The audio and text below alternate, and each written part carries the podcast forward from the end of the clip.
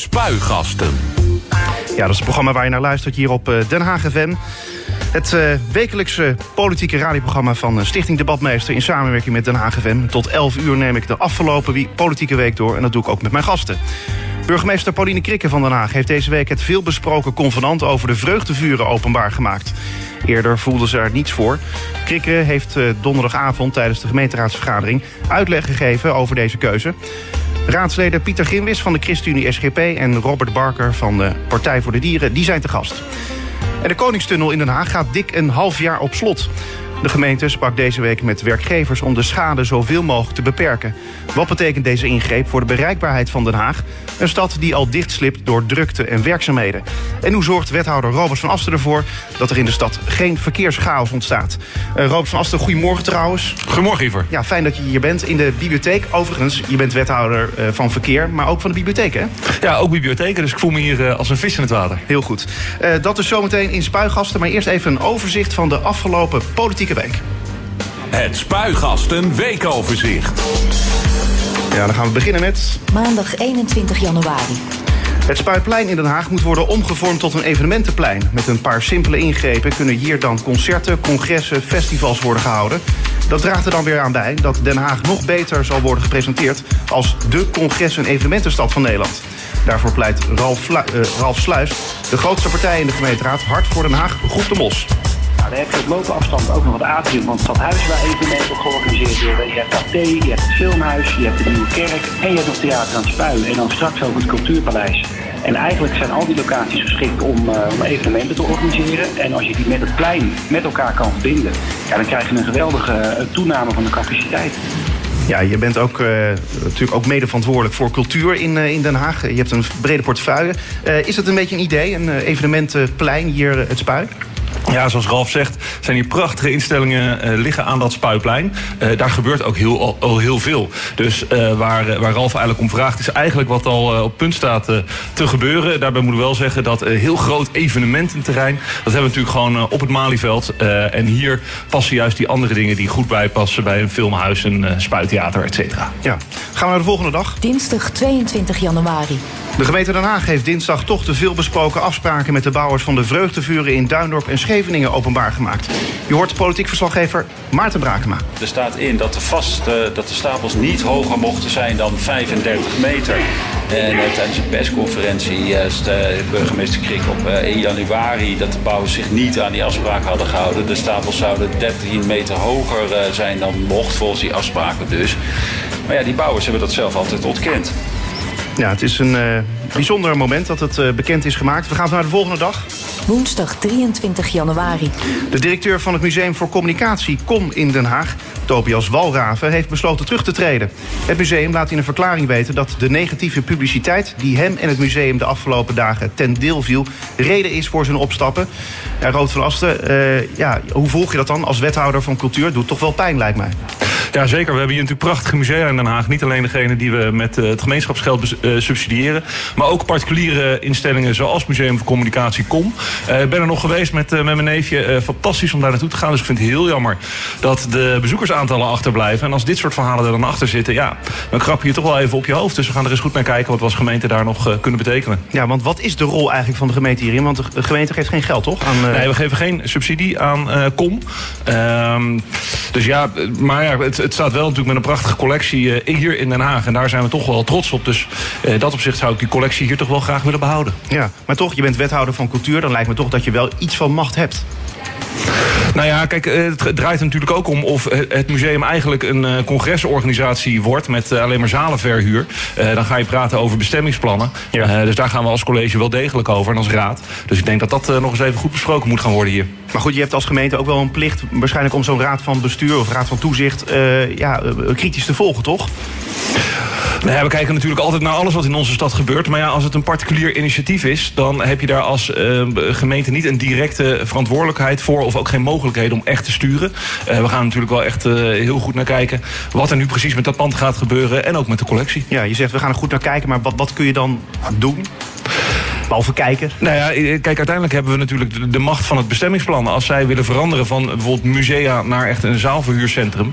eh, dan zal er een bestemmingsplanwijziging moeten eh, volgen. Ja, en daar gaan wij als gemeente natuurlijk wel over. Dus Ja. daar, daarin zit die macht. Maar als het museum in die zin eh, ten onder gaat... eh, dan kan de gemeente ingrijpen en zeggen... wij- hier is een zak met geld eh, en eh, dan kunnen jullie heel strikt eh, alle regels gaan eh, ja, Dat zou bepalen. kunnen, maar daarvoor is het op dit moment nog, eh, nog veel en veel te vroeg. Het museum staat niet op omvallen. Eh, dus is er, is een hoop gedoe geweest over het salaris van de eh, directeur. Eh, maar laten we kijken voornamelijk wat het museum nog kan betekenen voor de stad. Ja. Oké. Donderdag 24 januari. De burgemeester Pauline Krikke van Den Haag weigert te zeggen op welke manier zij voorafgaand aan deze jaarwisseling nadere afspraken met de bouwers van de vreugdevuren heeft gemaakt. De oppositie in de gemeenteraad wilde weten of de afspraken, die volgens Krikke een aanvulling zijn op een basisovereenkomst uit 2016, mondeling of schriftelijk zijn gemaakt. zijn de aanvullende afspraken met de bouwers schriftelijk gemaakt of mondeling? Het lijkt me dat daar een heel kort antwoord op nodig is. Ja of nee? Voorzitter, ja en nee vragen zijn in het leven altijd heel makkelijk. En dan, eh, dan, dan, dan lijkt het ook alsof je, eh, als je maar even simpel ja of nee zegt, dat je daar dan eh, de hele discussie mee hebt gehad. Zo is het. Ja, hoe kijk jij als wethouder dan tijdens zo'n vergadering naar zo'n discussie? Ja, was natuurlijk geen, eh, geen hele mooie discussie. We hebben natuurlijk ook gezegd van de OVV is nu aan zet om dit allemaal te gaan onderzoeken. Ehm, eh, de burgemeester is met haar team heel erg druk bezig om al die afspraken, alles wat er gebeurd is in de afgelopen tientallen jaren dat die vreugdevuren er zijn, om die beschikbaar te stellen aan de OVV en daarmee dus ook gewoon aan de openbaarheid. Ehm, ja, nu steeds weer hè, net het volgende stapje informatie vragen, dan zijn we eigenlijk het werk van de OVV aan het doen. Eh, daar heb je als raad uiteraard recht op. Hè. Het gaat over die informatieplicht. Maar misschien is het ook wel verstandig om te zeggen... laten we nou eens eventjes die, eh, die instelling echt gaan... eh, de OVV echt de mogelijkheid geven om dat in één keer integraal te onderzoeken. En dan trekken we onze conclusies. Vrijdag 25 januari. Regeringspartijen D66 en ChristenUnie willen dat het kabinet snel met plannen komt om de klimaatdoelen voor 2020 alsnog te halen. Het is volgens D66 ondenkbaar dat het kabinet de uitspraken van de rechter die de overheid heeft verplicht de CO2-uitstoot met 25% terug te brengen naast zich neerlegt. De overheid plaatst zich dan buiten de wet, waarschuwt D60-leider Rob Jetten. Zijn partij zal zich daar tot het uiterste v- tegen verzetten. Hij wil onmiddellijke actie van het kabinet. Nou, je bent D60er, dus je zal het er ongetwijfeld mee eens zijn. Ja, je bent het zeker, je bent het zeker mee eens. Maar kijk, het belang is zo groot dat we wat doen aan die klimaatverandering. En ik vind het zo jammer dat er zoveel partijen zijn die daar eigenlijk zeggen van... ja, nou, maar misschien vinden de burgers het allemaal niet zo leuk als we het gaan voorstellen. Je bent politiek, je hebt ook maatregelen te nemen... die goed zijn voor de lange termijn en de toekomst. Dus ja, zeker moet Den Haag daarop reageren. Ja, gaan we naar de laatste dag. Zaterdag 26 januari. Oftewel vandaag de veel besproken sociale huurwoningen in een van de torens naast het eh, nieuwe cultuurcomplex in Den Haag worden geschrapt. De bouwer, ontwikkelaar Volker Wessels, krijgt het financieel niet voor elkaar om hier, zoals eerder afgesproken, 88 huurwoningen te realiseren. Ja, Roodveld, ik vraag me toch af, waarom gaat D60 in het college hiermee akkoord? Want jullie wilden toch ook gewoon sociale huurwoningen naast eh, het cultuurcomplex neerzetten? Ja, in het eh, afgelopen college, waar D66 ook in zat, hebben we ervoor gekozen om eh, wethouder Wijsmuller met dat miljoen op pad te sturen, zodat het, zodat het mogelijk zou zijn. Nou, dat is nu uitgewerkt. En geen enkele van de Haagse woningcorporaties wil die woningen afnemen van de bouwer. Dat vinden ze te duur. Dus zelfs met dat miljoen dat we erop leggen, is het dan nog te duur. Nou, we hebben daarover gesproken in het college. En nu blijkt dat we ook dat miljoen natuurlijk veel meer sociale woningen kunnen bouwen. Hier in het centrum, bijvoorbeeld rond, eh, rond Hollandspoor. Eh, dus er wordt veel meer sociale woningen gebouwd dan dat de afgelopen jaren is, is gebeurd. Ja, het kan alleen dan net niet hier, maar ja, dat lag dan weer in die afspraken die eh, hier op dat spluitplein liggen, die al zo moeilijk waren. Ja, nou Maar gelukkig, maar gelukkig, kijk, het belangrijkste is denk ik dat we voldoende gaan bouwen. Het heeft jarenlang eigenlijk op schat gelegen. Nu wordt er in hoog tempo sociaal bijgebouwd. Dat gebeurt hier allemaal op die postzegel die we, die we Den Haag noemen. Zeker dan nog in de kleinere postzegel daarbinnen, die we het centrum van Den Haag noemen. Dus laten we vooral doorgaan met bouwen. En, eh, Ja, maar ik vraag me nou wel af, eh, want eh, Martijn Balster van de Partij van de Arbeid die zegt... zo gaat het iedere keer als een projectontwikkelaar vraagt, dra- draait het college. Het is echt bizar, we snappen niet dat GroenLinks, D60 en Groep de Mos hiermee akkoord gaan. Wat zeg je dan tegen hem? Ja, wat zegt tegen, tegen de heer Balster? Die heeft natuurlijk in zijn eigen verkiezingsprogramma... had hij plotseling een paar miljard gevonden om woningen te bouwen. Nou, dat bleek toch wel een beetje gebakken lucht te zijn. Ik denk dat de heer Balster ook gewoon heel blij moet zijn... dat we de op, grote opgave om ook Hagenaars met een smallere beurs eh, te kunnen huisvesten... voortvarend ter hand nemen en echt flink gaan bijbouwen. Robert van Asten, zometeen eh, praten we verder. Spuigasten. 100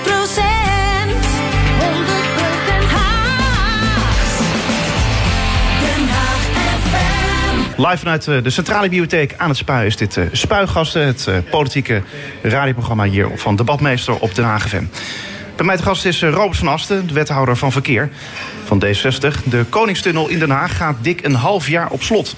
De gemeente sprak deze week met werkgevers om de schade zoveel mogelijk te beperken. Wat betekent deze ingreep voor de bereikbaarheid van Den Haag? Een stad die al dichtslipt door drukte en werkzaamheden. En hoe zorgt wethouder Robert van Asten ervoor dat er in de stad geen verkeerschaos ontstaat? Nou, de tunnel is, uh, zoals gezegd, uh, dringend aan innovatie toe. Er moeten slagbomen komen, een omroepinstallatie, meer camera's... en de luchtzuiveringsinstallatie is ook aan vervanging toe. Ik snap allemaal dat het moet gebeuren. Uh, met, je moet dingen vernieuwen op een gegeven moment. En dat het ook nog even duurt. Maar dik een half jaar, dat is wel heel lang. Ja, het is inderdaad een hele lange tijd. Zeven maanden trekken we ervoor uit. En we proberen elke dag dat we eerder open kunnen zijn, hem open te gooien. Maar het feit is, als we niks doen, dan moet die per 1 mei dicht. Het is gewoon nieuwe tunnelwetgeving. En eigenlijk is die Koningstunnel met een kleine 20 jaar oud alweer een uh, oud beestje.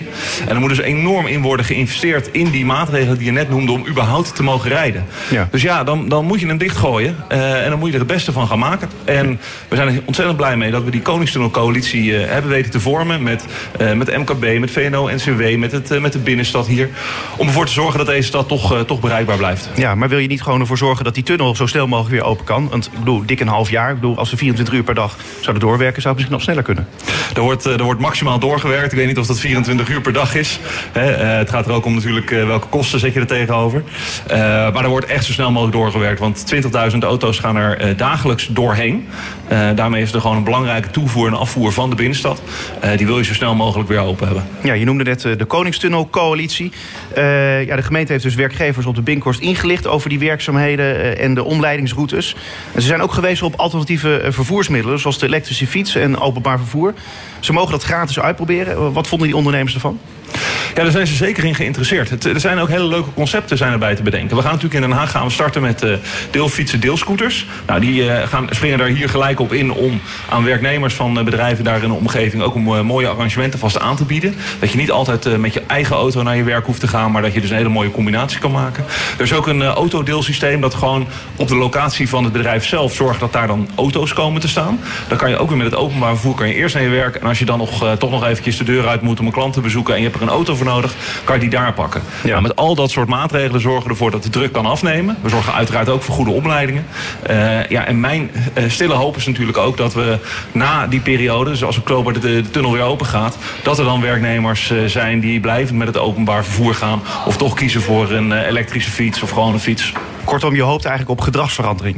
Ja, dat is uh, wat we hier echt moeten doen. We gaan natuurlijk als stad enorm groeien. De Binkhorst wordt ook volgebouwd. Dat geeft enorm veel meer uh, ja, bewegingen. Uh, de noodzaak tot bewegingen. Ja, als je die allemaal in de auto zet, nou, dan staat deze stad echt rammend vast. Dan komt er niemand meer in of uit. Nou, dat wil je niet. Dat is niet goed voor de economie.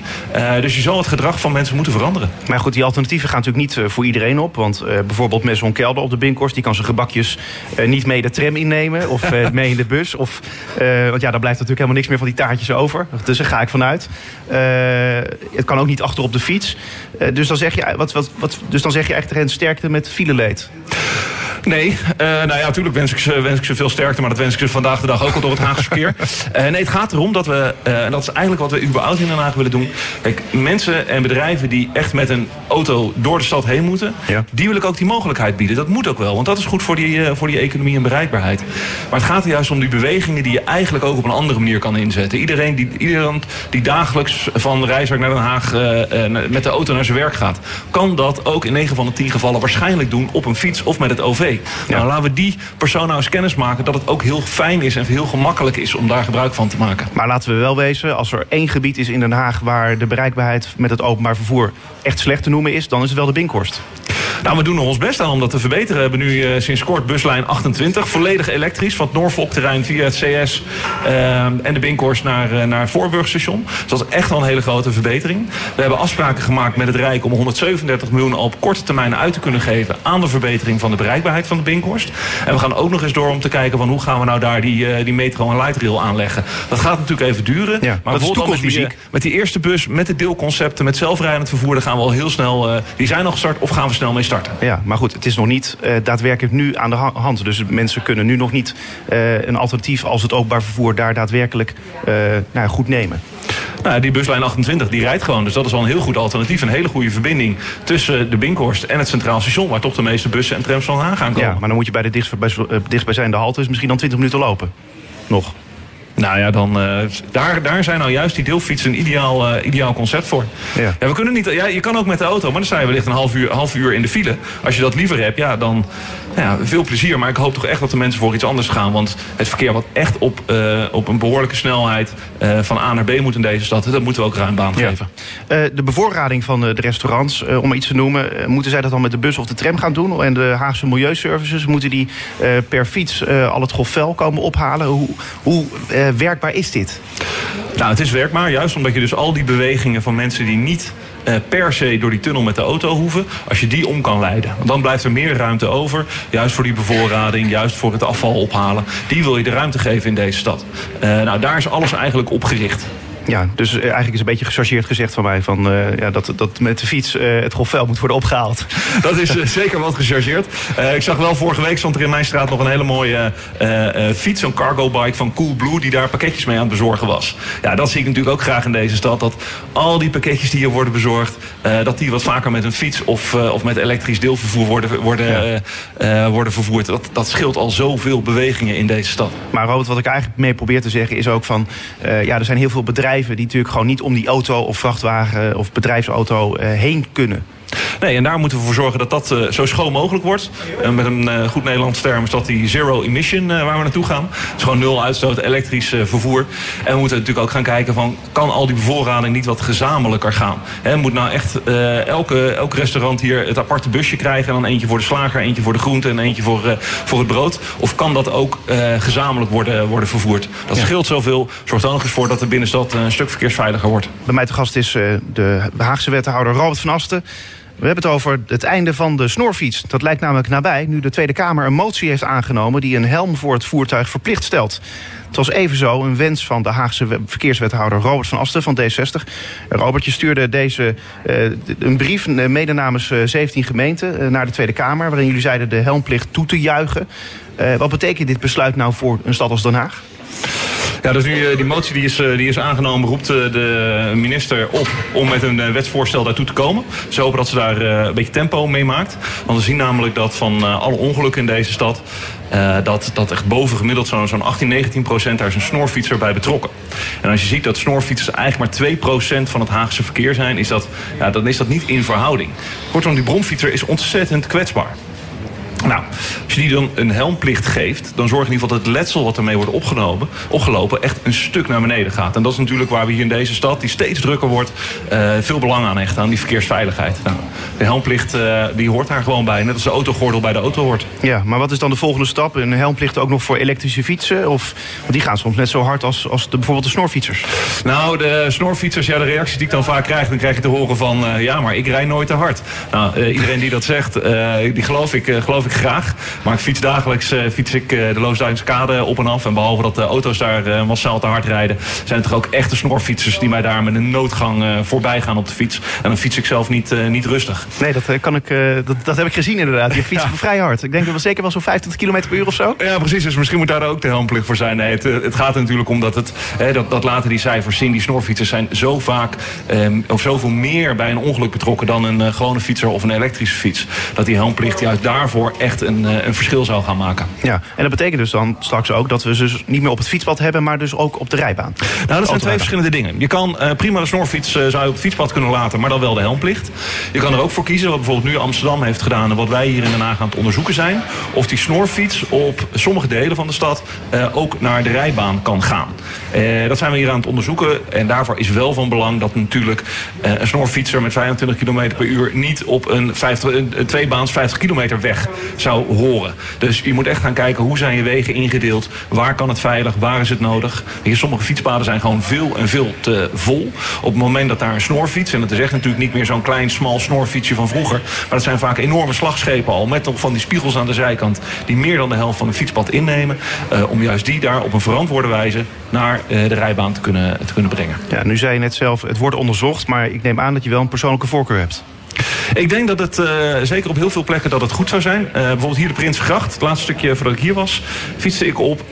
doe ik vaak in de spits. Dan is het enorm druk met heel veel fietsers. Als daar zo'n zo'n brommer langs wil, die met net op aan de spiegels enorm breed is, dan levert dat gevaarlijke situaties op. Ook omdat daar lantaarnpalen vlak langs het fietspad staan en trammasten. Als dat ergens het raakt, nou, dan, dan neemt zo'n brommer gelijk een hele baan fietsers mee. Daar zou ik prima kunnen zeggen, breng die brommer naar de rijbaan maakt die rijbaan 30 km per uur. Dat is daar een prima uh, profiel voor. Dus dat is al bijvoorbeeld één weg waar dat zou kunnen. Nou, zo weet ik er nog wel meer in Den Haag. Maar zo krijg je natuurlijk wel weer elke keer dat uh, op het moment dat een, uh, ja, een, een, een, een zo'n snorfietser de, een hele Loosduinse kade bijvoorbeeld afrijdt en vervolgens bij een loze laan komt, ja, dat hij dan ineens weer op het fietspad moet. en ja, het, het, lastige is natuurlijk de hele tijd van al die verschillende banen. Van dat zijn er dan weer twee rijstroken en dan weer eentje.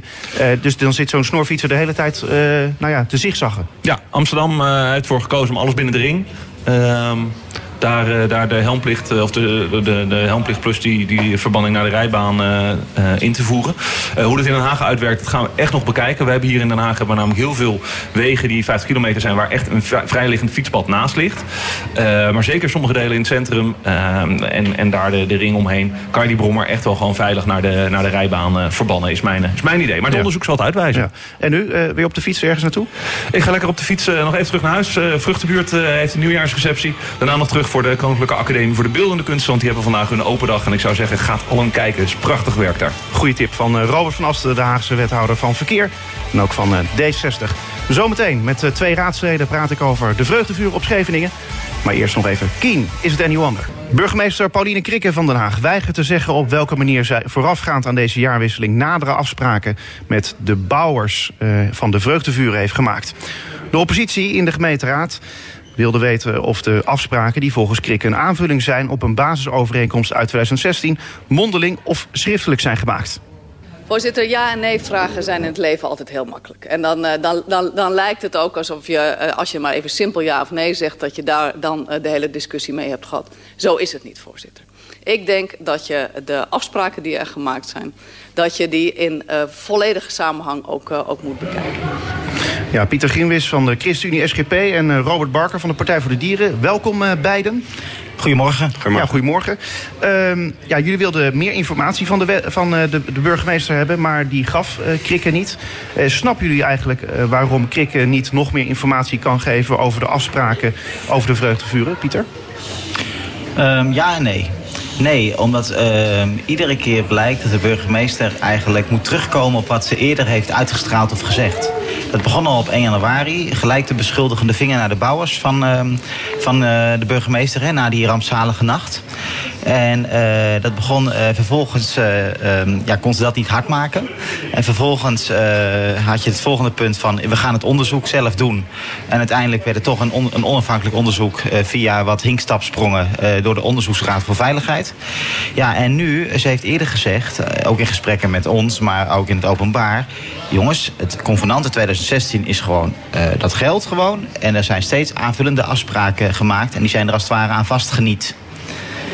Ja. Maar dat is helemaal niet waar. En dat is het punt. Er zijn geen aanvullende afspraken op de manier zoals het convenant er is. Er zijn alleen aanvullende afspraken waarschijnlijk in uh, uh, nou ja, informele uh, uitwisselingen, uh, misschien notulen.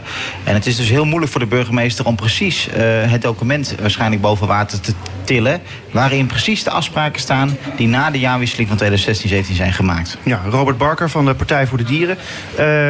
Ja, jij wilde ook heel veel informatie van de burgemeester weten. Maar de burgemeester heeft al veel informatie uh, gehad. Dus wat wilde je eigenlijk nou nog precies weten?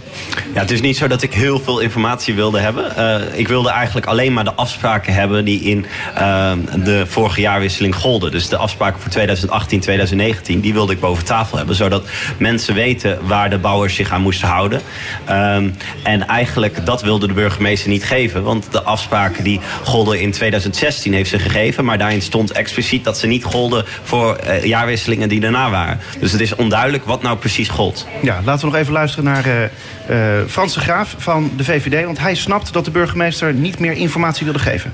Nou, die informatie moet vooral naar de Onderzoeksraad voor de Veiligheid. Want die moet onderzoek doen. en pas als dat onderzoek klaar is, dan moeten wij er als politiek een oordeel over vellen. Maar nou zegt een deel van de gemeenteraad... wij willen nu die informatie en wij zijn de raad. Wij uh, ja, vellen een politiek oordeel. De onderzoeksraad, dat is iets heel anders. Ja, ja, een aantal partijen, gelukkig worden dat er steeds minder... die zijn eigenlijk niet geïnteresseerd in dat onderzoek van de onderzoeksraad... maar die willen gewoon zelf nu alvast een oordeel vellen... en het liefst iedere week een debat erover hebben. En dat is niet, heeft niks te maken met de mensen in Scheveningen. Die worden er geen centimeter beter van. Maar dat zijn gewoon politieke spelletjes spelen. Maar hoort dat er ook niet bij? Nou ja, ik vind dat als er zoiets ernstigs is gebeurd op uh, Scheveningen... en er zijn echt mensen zo geraakt daar... dan moet je geen spelletje spelen, maar dan moet je onderzoeken wat er gebeurd is... en de problemen oplossen.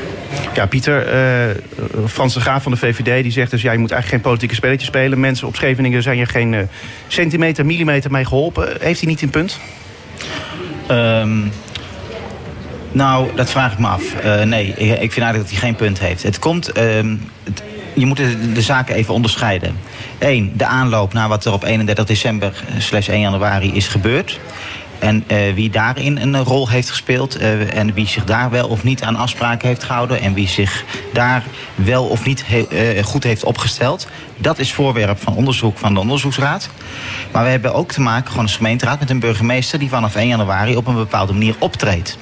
En dat optreden, dat is niet standvastig is niet uh, uh, robuust. En het is eigenlijk iedere keer achter de feiten aanlopend. Van eerst zeggen, nee, nee, nee, jullie krijgen dat convenant niet. En uiteindelijk, ja, ik stuur het toch. Eerst zeggen, de evaluatie als het ware binnen de eigen controle houden. En vervolgens toch onafhankelijk onderzoek. Dus nee, het is geen spelletje.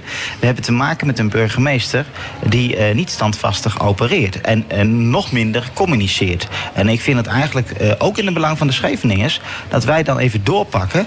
En uh, als informatie eerst niet openbaar kan worden en later wel, dat we de aanvullende informatie dan ook krijgen. Dus ik vind het eigenlijk vrij logisch en ik vind het nogal, um, nou laat ik het zeggen, het waren niet de twee beste weken van Frans de Graaf in de politiek. Nee, oké. Okay. Maar goed, uh, misschien waren het sowieso niet uh, de beste politieke uh, dagen van de Haagse gemeenteraad in die zin. Want ja, goed, we gaan het zo meteen even hebben over hoe die gemeenteraadsvergadering van afgelopen donderdag is verlopen. Ja. maar eerst nog even naar Robert Barker van de Partij voor de Dieren. Ja, Robert, ik denk dan wel weer van zijn graaf die zegt van ja, mensen zijn er niet mee geholpen met al die aanvullende afspraken. heeft hij niet wel een punt dat hij, nou ja, ja heeft hij niet eigenlijk gewoon een punt? Nee, vind ik niet. Ik, ik denk dat uh, het voor, uh, voor inwoners van Den Haag van belang is om te weten wat de afspraken nou precies waren die de bouwers uh, aan moesten voldoen. Dus bijvoorbeeld hoeveel, wat was de hoogte, wat was de omvang.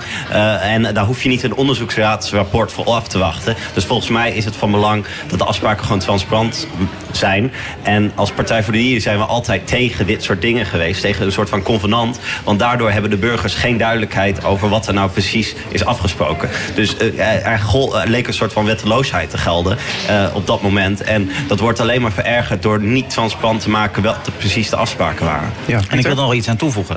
Kijk, de burgemeester is, uh, laten we zeggen, uh, niet helemaal consistent geweest in haar uh, communicatielijn sinds 1 januari. De Scheveningse bouwers zijn wel consistent geweest.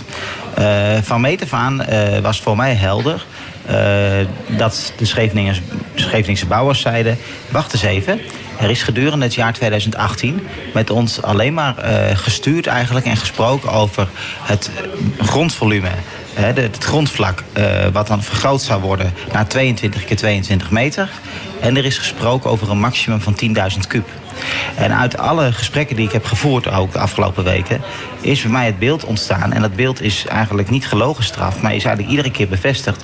Dat gedurende ook de bouwweek van 26 december tot, uh, tot het oudjaar. Uh, de gemeente alleen maar heeft gestuurd op volume. Ze hebben als bij, bij wijze van spreken uh, vrachtwagentjes staan tellen. En als je nog eens, ik heb van de week nog eens na de raad die sommetjes nog eens een keer zitten maken. En begin van het jaar ook al gelijk. Als je uitgaat van een grondvlak van 22 bij 22 uh, vierkante meter. En je gaat ervan uit dat het een beetje in een piramidevorm wordt gebouwd. En je gaat ervan uit dat ze 10.000 kub pallets gebruiken. Dan weet je bijvoorbeeld als gemeente dat je boven die 35 meter gaat komen. Dus uit alles blijkt eigenlijk dat die 35 meter, hoewel wordt gezegd dat het nog geldt, niet is gehanteerd als te handhaven maatstaf. En er is ook niet gehandhaafd. Hè? En dat is een heel verschil met 2016, toen Van Aartsen hier nog uh, uh, de burgemeester was. Die had dat convenant gesloten met de bouwers. En toen heeft uh, iemand van de gemeente iedere dag staan meten... oké, hoe hoog is die stapel? Mhm. En zodra op 29 december, ik meen om 4 uur... de hoogte van 35 meter werd bereikt... zei die gemeenteambtenaar, sloes, stoppen jongens...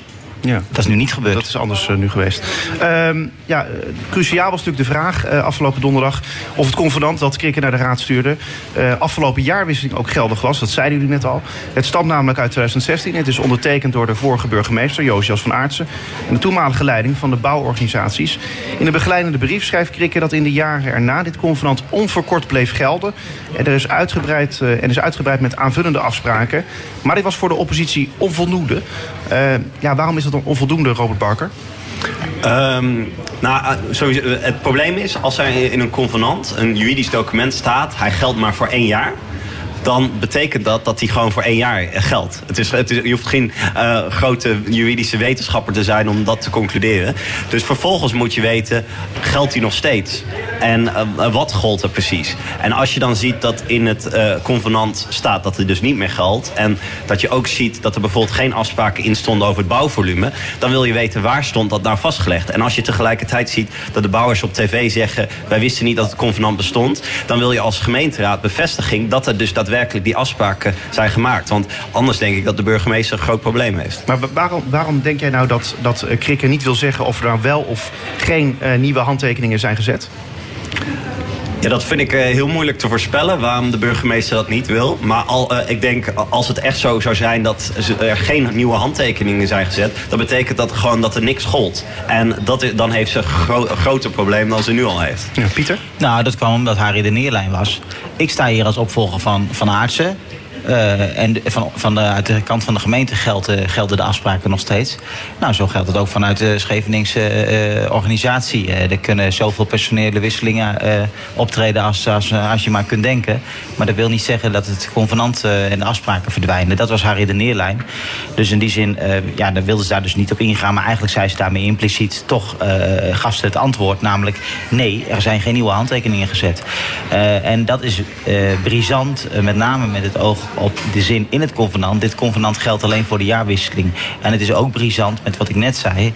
Um, dat we weten dat gewoon bepaalde uh, afspraken van toen totaal niet meer hebben gefunctioneerd op de uh, afgelopen jaarwisseling. Ik bedoel, ik hoop ook dat de onderzoeksraad komt met een goed feitenrelaas, met, een, met echt met waarheidsvinding, waarin al dit soort dingen die ik nu wel weet, uh, maar die niet bevestigd zijn onafhankelijk, dat het ook zwart op wit komt te staan. En dat, dat niet de feiten zoals ze uit het gemeentehuis worden gedebiteerd, de werkelijkheid wordt, maar dat, dat ja, de onderzoeksraad echt met een feitenrelaas, echt met waarheidsvinding komt. Waarbij uiteindelijk iedereen recht wordt gedaan. En waarbij uiteindelijk echt boven tafel komt hoe de gemeente en de brandweer en zo hebben geopereerd. En waar de bouwers al dan niet een scheve schaat zouden hebben gereden. Ja. Laten we nog even hebben over de afgelopen eh, raadsvergadering van, eh, van donderdag. Uh, Robert, je wilde na de eerste termijn wil je nog een motie indienen, net als de PVV. Maar dat was niet mogelijk, omdat er geen tweede termijn was. Er kwam een ordevoorstel en dat werd toen aan de raad voorgelegd. En toen bepaalde de meerderheid, de coalitiepartijen namelijk... dat er geen moties meer mochten worden ingediend. Hoe kijk je nou op die hele raad terug? Eigenlijk uh, bizar. Uh, want uh, als raadslid heb je ten eerste een informatierecht. Dus de burgemeester zou gewoon informatie moeten geven. Dat weigerde de burgemeester. dus daar wat al eigenlijk de rechten van de raadsleden geschonden. En um, je hebt als raadslid gewoon het recht om een motie in te dienen. En het is, ik vind het wel bizar om dan te zien dat de, de coalitie weigert om eigenlijk een, een breed gedragen motie van de oppositie om die zelfs in stemming te laten brengen. Ja. Uh, Pieter Ginwis van de ChristenUnie SGP, uh, hoe kijk jij terug op die raad? Ja, nou, het, ging, het was een beetje een rommelige, rommelige raad. Dat kun je wel zeggen, ja. Al met al. uh, nou, wat ik eigenlijk... Ik wil eigenlijk wel weer terug naar de Scheveningers. Uh, ik vind het wel een beetje jammer dat uh, het college omgaat met schade zoals ze ermee omgaan. Ik had bijvoorbeeld een oproep aan de wethouder van... Ja, wacht eens even. Als jij eh, bij je verzekeraar aanbelt, dan ben je je no-claim eh, voor je auto misschien kwijt. Of je eigen risico moet je zelf betalen. Dat kan toch niet gev- eh, de bedoeling zijn van zo'n vreugdevuur... waarbij de gemeente, hoe dan ook, een hele grote verantwoordelijkheid draagt. En ik denk dat het erop uitdraait draait het uiteindelijk vast zal komen te staan. De gemeente heeft het toegestaan dat, het, dat, de, dat, de, dat de fik erin ging. Ja, en dus uiteindelijk is de gemeente de belangrijkste verantwoordelijke. Alleen je weet in dit land ook dat de aansprakelijkheid daarmee nog niet gelijk 100% is geregeld. Dus ik ben heel bang dat uiteindelijk er Scheveningers aan het eind van het jaar eh, van de kastje naar de muur zijn gestuurd en nog steeds niet al hun schade vergoed is en dat ze een deel zelf hebben moeten betalen. En dat zou ik echt heel ongewenst vinden. En dat is dan ook gelijk, brengt wel bij het punt, er zit nog een belangrijk onderscheid bij het bouwen zelf en bij het in de fik steken. Ja. En daar gaat natuurlijk ook de onderzoeksraad, eh, denk ik, eh, wel even bij stilstaan. Dat er gedurende dat, die oudjaarsdag er genoeg mo- mogelijkheden waren voor de burgemeester en voor de brandweer om te interveneren. En dat hebben ze dus niet gedaan. Ja, zometeen eh, blikken we verder met de twee raadsleden Robert Barker van de Partij voor de Dieren en Pieter Grimwis van de ChristenUnie SGP over ja, het afgelopen debat, over de vreugdevuren op Scheveningen en eh, vooral ook de afwikkeling daarvan. Ja, ik wil even verder praten met onze twee gasten. eh, Robert Barker van de Partij voor de Dieren en eh, Pieter Grimwis van de ChristenUnie SGP. Even terugblikken op dat afgelopen eh, debat. Ehm, ja, Pieter, jij zit al wat langer in de raad, maar heb jij zoiets wat afgelopen donderdag allemaal is voorbijgekomen, heb je dat eerder meegemaakt? Ordevoorstellen, moties die wel niet mogen worden ingediend, debatten die dan vervolgens daar weer over ontaarden? Eh, niet op deze manier, maar wel vergelijkbare situaties. Ik kan me nog levendig een eh, gemeenteraadsvergadering van, eh, van drie, vier jaar geleden herinneren, 2015.